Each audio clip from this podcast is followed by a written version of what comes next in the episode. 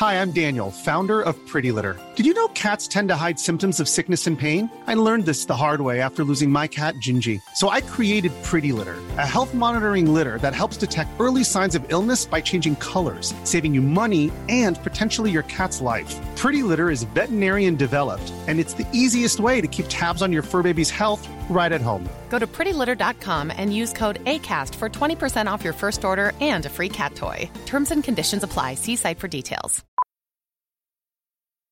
Millions of people have lost weight with personalized plans from Noom, like Evan, who can't stand salads and still lost 50 pounds. Salads, generally, for most people, are the easy button, right? For me, that wasn't an option. I never really was a salad guy. That's just not who I am. But Noom worked for me. Get your personalized plan today at Noom.com. Real Noom user compensated to provide their story. In four weeks, the typical Noom user can expect to lose one to two pounds per week. Individual results may vary. Denne episoden er i samarbeid med Kreftforeningen. Som fast giver til Kreftforeningen er du med på å skape håp og forandre liv. Og det både høres ut og er en stor ting. Men det trenger ikke å være en stor sum for deg. For prisen av bare en og en halv frossenpizza i måneden kan du bidra til forskning, behandling og hjelp til livet med kreft og livet etter kreft. Bare det utgjør en forskjell. Så gjør en forskjell. En og en halv frossenpizza. Du kan selvsagt gi mer hvis du vil, og du bestemmer selv om du gir månedlig, kvartalsvis eller halvårig. Ja, det hele er kjempefleksibelt.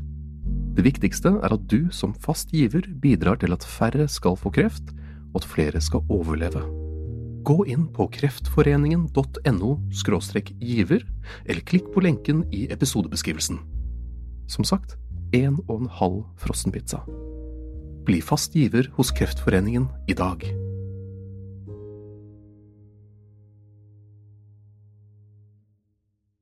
Gjenklang.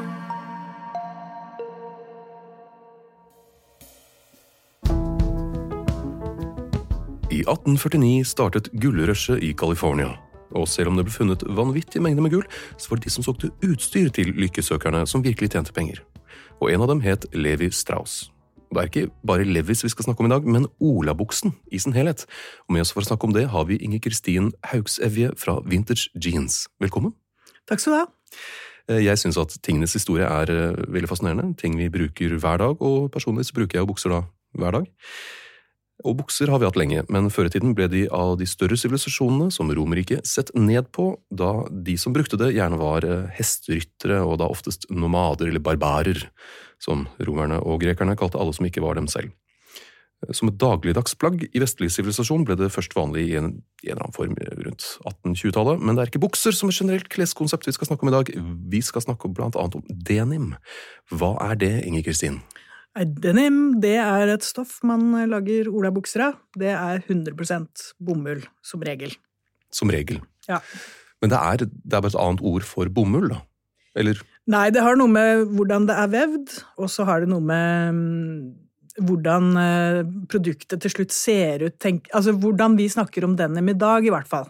Så ser vi for oss eh, det vi kaller olabukse eller jeans. Og disse navnene er jo Nå må vi jo gå inn på. For man har eh, denim, man har jeans, man har olabukse. Hvor kommer disse navnene fra? altså, jeg har lagd en, en TikTok som, som, handler om hvorfor det heter olabukse, hvor jeg litt sånn flåsete sier 'kommer olabuksa fra den franske byen Olala'? uh, og det, det, er rett og slett fordi at uh, disse ordene de handler om hvor kommer dette stoffet fra. Og denim, det er da fra Nim, altså de Nim. Som betyr at det stoffet kommer fra den byen i, i Frankrike. Eller det var der man dro for å kjøpe det. Ah. Så det er en kjent handelsplass for å få tak i dette fantastiske stoffet.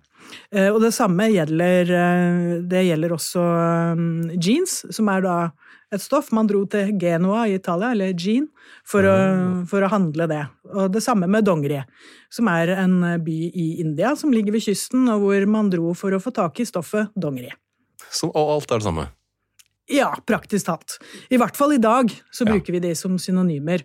Eh, og så kan vel kanskje noen som har eh, doktorgrad i tekstilhistorie si noe om at eh, opprinnelig så var det kanskje ikke helt det samme. For eksempel så dongeristoffet, når det kom til Eller blander jeg, nå blander jeg med jeans fra Genua. Når det først ble laga, så var ikke bomullen bra nok til at man kan bruke det i renninga. Eh, og da brukte man lin i renninga og bomull i innslaget. Så det var altså en slags 50-50 med lin og bomull, da. Ok. Hm. Men olabukse? Ja, det er et uh, markedsføringsstunt. Oh, okay. ok. Det kom, det var vel første jeg, Når jeg søkte på dette på Nasjonalbiblioteket, så ser jeg første gangen man har brukt olabukse her i 1953. Uh, Så det er, vi er i etterkrigstida. Vi er i den tida hvor Norge er opptatt av å uh, finne ut hvem er vi som nordmenn. Eh, Vi har begreper som Ola og Kari Nordmann. og det er flere ting som er liksom knytta til dette Ola-navnet, og da er det liksom virkelig norsk, da, hvis man slenger Ola foran. Ola-matpakka. Ja, den type ting. Mm. Så eh, det var sånn at ting som man slang Ola foran, det var skikkelig kult, for det, det var skikkelig norskt, og vi var på en skikkelig sånn norskhetsbølge etter krigen. Og så har jeg forstått det sånn, og det vet kanskje du bedre, eller kanskje du kan ha noen innom poden din til å snakke om det, men eh, sånn som jeg har forstått det, så er det en treningsuniform som, eh, som man brukte, som tyskerbrigaden brukte når de skulle trene før de dro til eh, Tyskland for å eh, holde oppe demokratiet etter krigen. Eh, Og den var lagd da i det som vi i dag kaller denimstoff. Og, så de var veldig kule, barske gutter, selvfølgelig, og som gikk rundt i sånn type stoff. Og så var det en kjede som het Adelsten, som fant ut at ok, vi lanserer en bukse i sånn type stoff, og så kaller vi det olabukse. De hadde også en bukse som het karibukse. Den, okay, de den slo ikke like godt an i språket, så det er vel ingen som eh, sier karibukse i dag. Men olabukse, den har jeg forstått at eh, både eh, gamle og litt yngre eh, bruker. Og det er både nord og sør for Dovre og øst og vest i landet. Jeg syns vi skal slå et slag for karibuksa, ja. Ja, hvorfor ikke?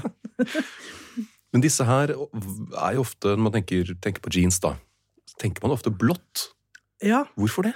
Altså, indigo, det, det er jo et fargestoff som blir blått. Altså et pigment som blir til blått. Eh, og det betyr fargen fra India.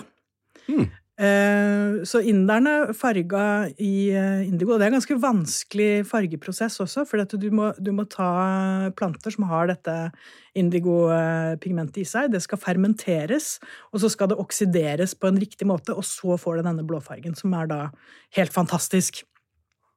Eh, og det stoffet som, eh, som blant annet britene da handla med inderne i dongeri, mm. det var jo da eh, selvfølgelig indigo.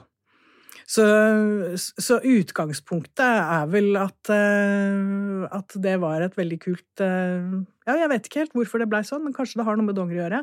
Eh, og så har jeg også uh, lest et sted at dette pigmentet har en bieffekt som gjør at bomullen blir sterkere.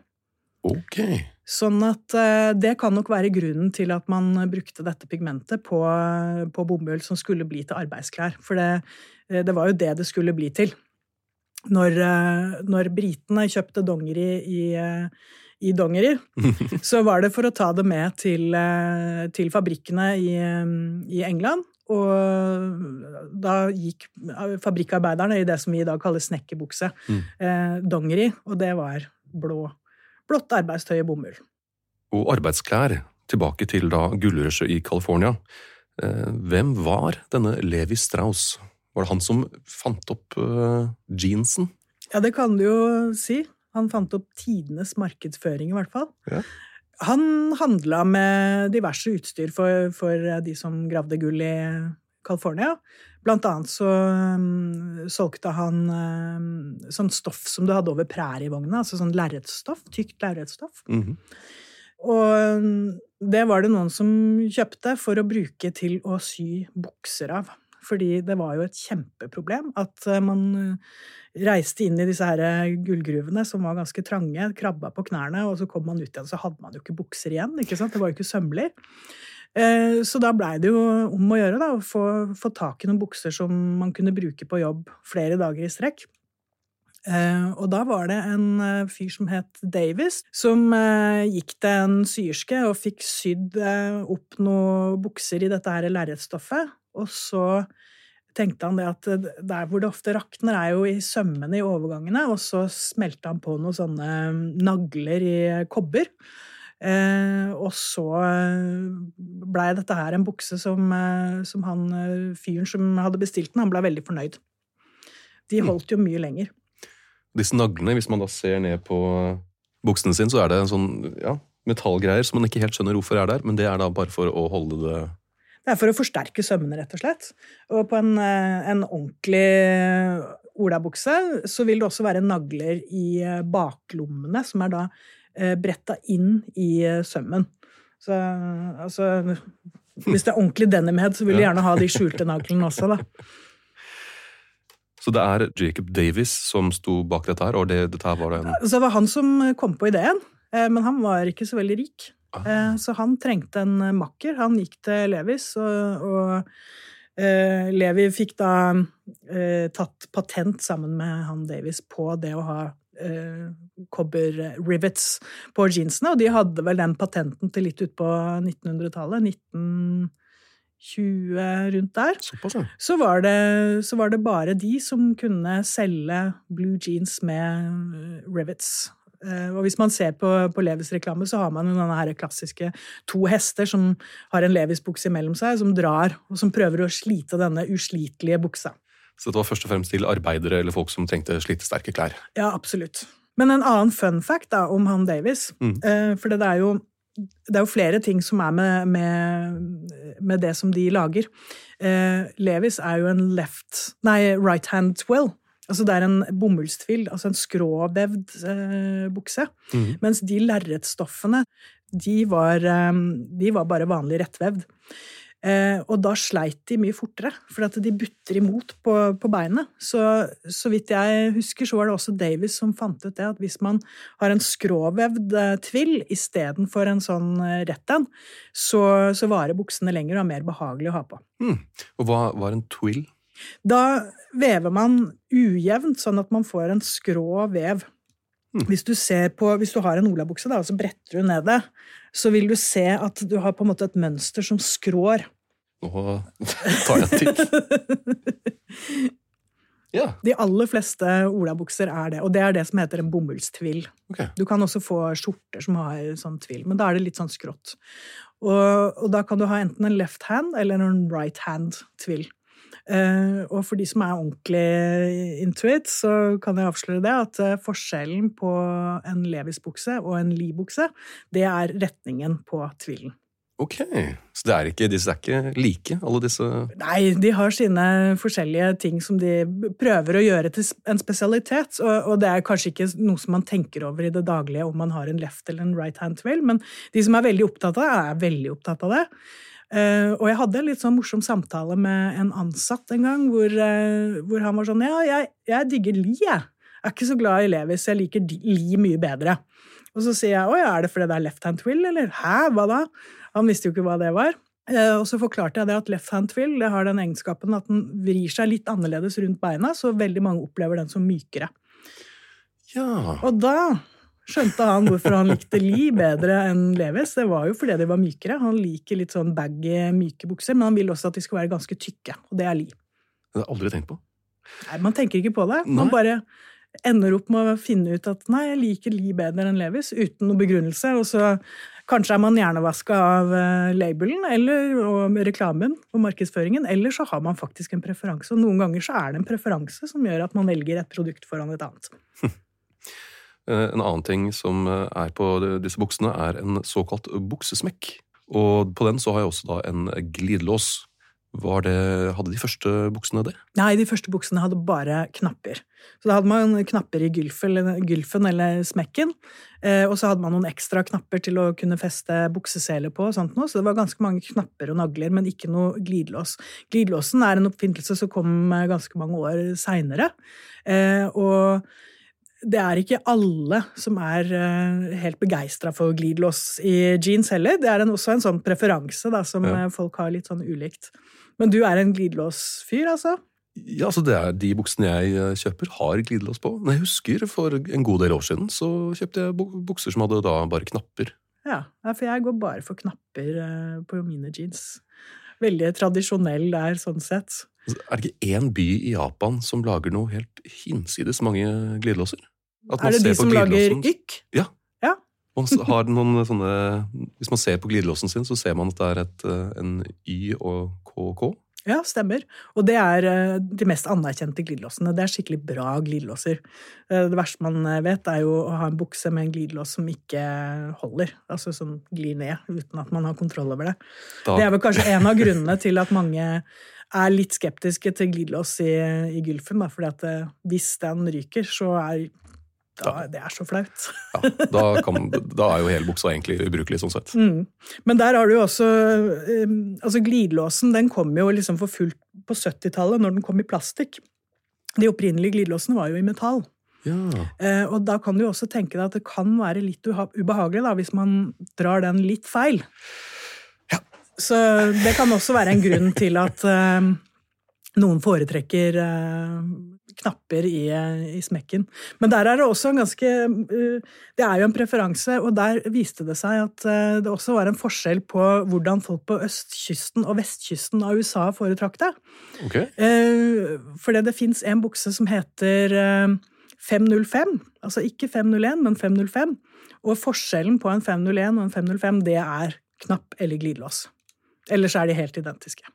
Og, Og den med glidelås den blei da lansert for eh, østkysten. Altså New York-hipsterne der ville ha glidelås. ok. og mens eh, vestkysten var eh, Konservative på knapper. Hmm. Ja. Jeg er litt usikker på årstallet for den lanseringen, men uh, eh, visstnok så var glidelåsen mer eh, populær på, på østkysten. da. Jeg bor på Østlandet, så kanskje det er litt av greia. Men en annen ting på buksa mi er de små, rare lommene. Ja. Er, det, altså, er det til mynter, eller hva er det til? Nei, jeg, jeg antar at de er lagd der for at man skulle ha klokka si der. eh, Så man eh, visste når man skulle dra hjem fra jobb, for man hadde vel sånn pocket watch, da. Eh, Samme, identisk med den lille lomma som er i vesten, hvis man går med det. Ja. Men hvorfor har man det fortsatt? Nei, hvorfor man har det fortsatt? Man er vel konservativ, da. Eh, Jeg er litt usikker på, på det, men eh, noen liker å Altså, jeg har sett en reklame for at man kan ha kondomer der. Eh, Man kan ha andre småting som man ikke vil at folk skal finne. Jeg vet ikke, har du, har du noen teorier på? Nei, jeg aner ikke. Nei, jeg tenker at man, man har det bildet av buksen i hodet, og det fra gammelt av, at da er den der, og da bare tviholder man på den. Ja, og så er det jo også der Det er jo festa en sånn kobberrivet ofte til det, så jeg vet ikke om det er liksom sånn, egen, sånn lite smykke Jeg er litt usikker. Jeg bruker ikke den uh, til noe uh, Jeg tror jeg aldri har brukt den, altså. Men uh, det kan man jo, da, hvis man har en sånn bitte liten ting, for eksempel en liten gullklump man har funnet, da. Så kunne man kanskje putte den oppi der. Aha. Even when we're on a budget, we still deserve nice things. Quince is a place to scoop up stunning high-end goods for 50 to 80% less than similar brands. They have buttery soft cashmere sweaters starting at $50, luxurious Italian leather bags, and so much more. Plus, Quince only works with factories that use safe, ethical, and responsible manufacturing. Get the high-end goods you'll love without the high price tag with Quince. Go to quince.com slash style for free shipping and 365-day returns. Quality sleep is essential. That's why the Sleep Number Smart Bed is designed for your ever evolving sleep needs. Need a bed that's firmer or softer on either side? Helps you sleep at a comfortable temperature? Sleep Number Smart Beds let you individualize your comfort so you sleep better together. JD Power ranks Sleep Number number 1 in customer satisfaction with mattresses purchased in-store. And now, save 50% on the Sleep Number limited edition Smart Bed for a limited time. For JD Power 2023 award information, visit jdpower.com/awards. Only at a Sleep Number store or sleepnumber.com. Millions of people have lost weight with personalized plans from Noom, like Evan, who can't stand salads and still lost 50 pounds. Salads, generally, for most people, are the easy button, right? For me, that wasn't an option. I never really was a salad guy. That's just not who I am. But Noom worked for me. Get your personalized plan today at Noom.com. Real Noom user compensated to provide their story. In four weeks, the typical Noom user can expect to lose one to two pounds per week. Individual results may vary. En annen ting eh, mange jeans har, er eh, slags merker, eller ofte sånn slags, på mangel av bedre ord, eh, figur på bak på rumpa. Tenker du på sømmen på, Ja. på lommene? Det er jo på en måte en indikator på hva slags eh, bukse man går med, da. Så det er ingen praktisk funksjon. Jeg vil tro at det er en identitetsmarkør som skal fortelle noe om at dette er en sånn og sånn bukse som koster så og så mye penger, så jeg er kulere enn deg hvis jeg har den eller den. Og der er det jo mange som har eh, opp gjennom åra prøvd å etterligne Levis sin eh, bue, da. Mm. Som er den klassiske markøren. Og så er det noen som Altså, Lee har jo da en halv bue. Eh, De har left hand twill og ikke sant. Altså, deres størrelse går i oddetall, mens Levis sine størrelser går i partall. Altså, det er, det er, de har liksom prøvd å differensiere seg på det de kan. Mens så har du vrangler som når de kom, så de skulle inn i cowboymarkedet, altså western-style, og de eh, lanserte da bukser hvor den dobbeltsømmen som på Levis er på innsida, den er på utsida på Wrangler, for at man skal kunne ri uten å få klagesår. Oh, Eh, og Wrangler er også som regel en broken twill. Eh, som ikke er, altså er annenhver med left hand og right hand twill, sånn at du får et slags fiskebeinsmønster eh, i veven. da. Som er enda mykere, kanskje, enn en left hand twill. Det tror jeg cowboyer som skal ri en evighet, eh, veldig likt. Ja, det, det tenker jeg var sikkert det som var meningen der med den. Men nå i dag så Jeg i hvert fall anser ikke jeans som sånn arbeidsklær. Hvordan var overgangen fra arbeidsklær til moteklær? Nei, det var vel eh, rock'n'roll. Eh, det var vel en fyr som het James Dean eller noe sånt, noe, som var med i en eller annen film som var litt kul eh, på 50-tallet. Eh, og så var vel han eh, Han så vel ganske bra ut, og så prøvde folk å bli like kul som han, og hvordan kunne man det? Jo, bare ta på seg 501, det, så Mm. blir man like kul som Jane Steen. Så det, det var vel eh, Det var vel en sånn eh, renessanse for, eh, for Levis da. Jeg vet ikke om det gikk dårlig for de, eller hvordan det var, men det blei i hvert fall veldig populært. Og utover 60-tallet så, eh, så går Levis fra å være arbeidstøy til å bli eh, eh, mer et moteplagg. Og på 70-tallet så lanserer da Levis eh, Orange Tab eh, for at eh, ja, Da lager de på en måte noen jeans som er litt rimeligere. Den har litt færre rivets og, og litt mindre sømmer og sånt noe. Den er, er rimeligere, og den er lansert da for studentmarkedet. Vanligvis er det sånn red tab, den røde, Ja, bak, På baklomma så Mm. er det en sånn rød liten sak hvor det står Levis. mens den her hadde da en oransje en. En oransje. Eh, og i dag så er jo de oransje eh, veldig verdifulle i eh, second hand-markedet. For de er jo fra 70-tallet, og da lagde man jo jeans ordentlig bra. Mens det gjør man jo ikke lenger. Så nå er det, hvis man har en orange tab liggende hjemme, så kan det være verdt ganske mye penger. Men hva, hvordan lager man jeans i dag som er annerledes enn tidligere? Nei, Det skjer jo ting med tekstilproduksjonen eh, utover 60-, 70-, 80-tallet, og en eller annen gang på midten av 90-tallet så er eh, måten man lager klær på helt radikalt annerledes enn hvordan det var på 50-, 60-tallet. Eh, og jeg kan ikke så veldig mye om hvordan den eh, tekstilindustrien faktisk fungerer. Jeg har aldri vært og sett disse kjipe fabrikkene barnearbeid og sånt noe, men vi har jo hatt en bevissthet på det de seinere årene, at eh, det er kanskje ikke etiske verdier og miljøvern som har stått i framsetet når fast fashion har masseprodusert klær som holder i én eller to vask, og så blir det til søppel. Altså, det er jo et enormt miljøproblem. Det er vel verre enn flytrafikken, så vidt jeg har hørt. Eh, Så jeg er opptatt av gjenbruk og vintage, og så er jeg opptatt av det som jeg har lært noe man kan kalle for future vintage. Altså at det er kvalitet som kommer til å holde, og når du selv er lei av et plagg, så kan du gi det videre inn i, um, inn i sirkulasjon, og så kan noen andre bruke det. Det blir i hvert fall ikke til søppel. For vintage, du nevner jo det. Er det hva betyr det? Er det bare at det er en antikk bukse? Eh, nei, antikk, er den over 100 år. Ok. Eh, Vintage, det er mer enn 20. Ok, mer enn 20. Ja, og, og for at den, altså mer enn 20 og av en viss kvalitet eller egenart som gjør at den sier noe om den perioden den er ifra, eller Eh, Så 20 år gammelt søppel er 20 år gammelt søppel. Du- Og du nevner rådenim. Hva er, hva er det? Rådenim det er eh, denim som ikke har blitt behandla for at det skal se brukt ut. Så det er jo sånn olabuksene så ut eh, da de blei solgt til arbeiderne sånn opprinnelig. Så var de helt mørke i fargen, og så ble de lysere og lysere etter hvert som man brukte de.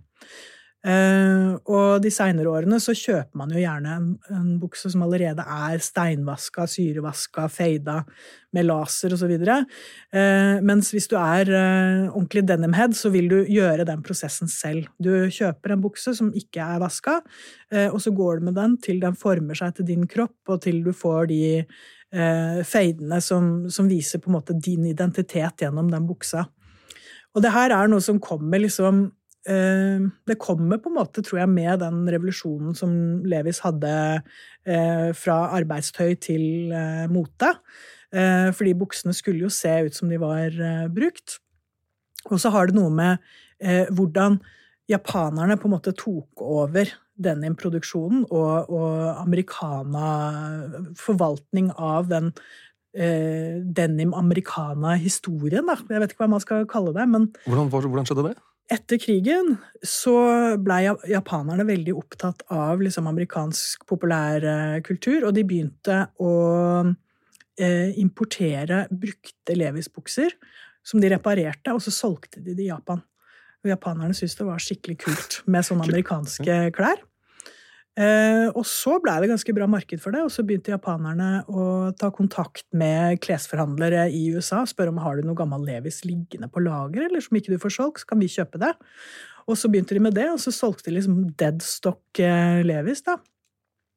Og så etter hvert så var det Jeg tror det var Edvin som var først, et eh, japansk eh, denne merket, som, som begynte å produsere også rett og slett kopier av eh, Levis-bukser. Eh, og hvis du tar eh, navnet Edvin, og så stokker du om på bokstavene, og så snur du eh, W-en, så får du denim.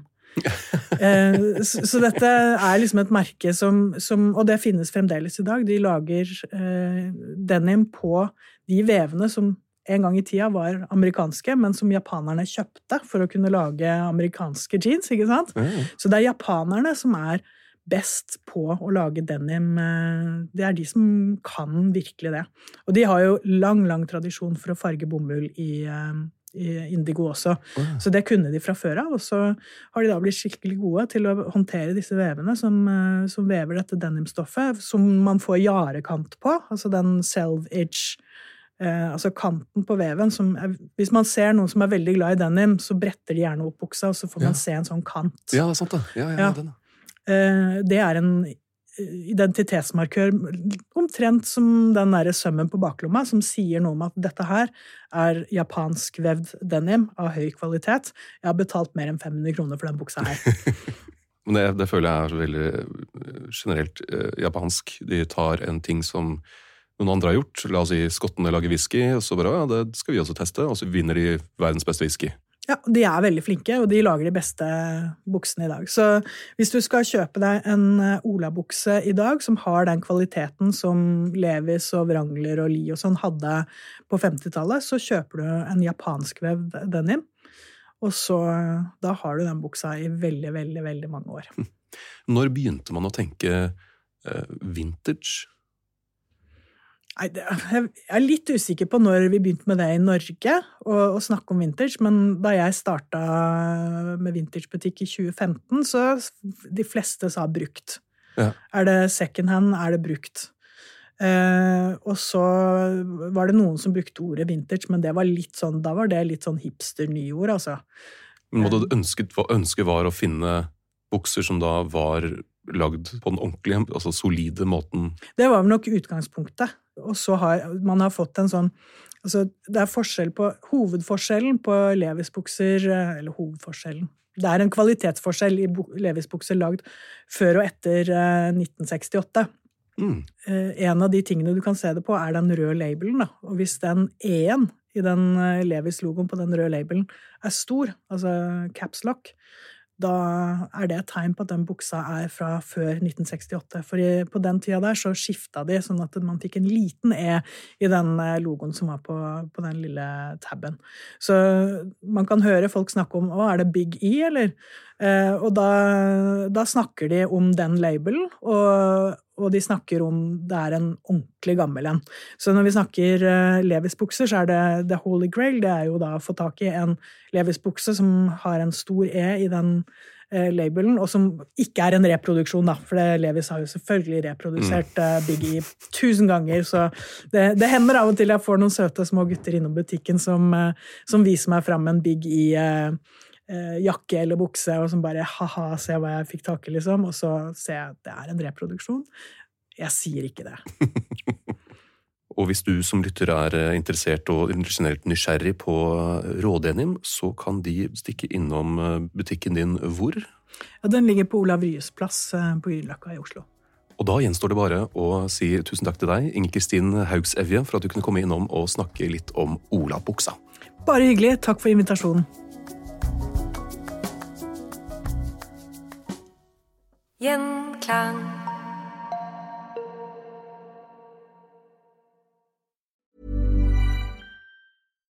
Hi, I'm Daniel, founder of Pretty Litter. Cats and cat owners deserve better than any old-fashioned litter. That's why I teamed up with scientists and veterinarians to create Pretty Litter. Its innovative crystal formula has superior odor control and weighs up to 80% less than clay litter. Pretty Litter even monitors health by changing colors to help detect early signs of potential illness. It's the world's smartest kitty litter. Go to prettylitter.com and use code ACAST for 20% off your first order and a free cat toy. Terms and conditions apply. See site for details. Even when we're on a budget, we still deserve nice things. Quince is a place to scoop up stunning high end goods for 50 to 80% less than similar brands. They have buttery soft cashmere sweaters starting at $50 luxurious Italian leather bags, and so much more.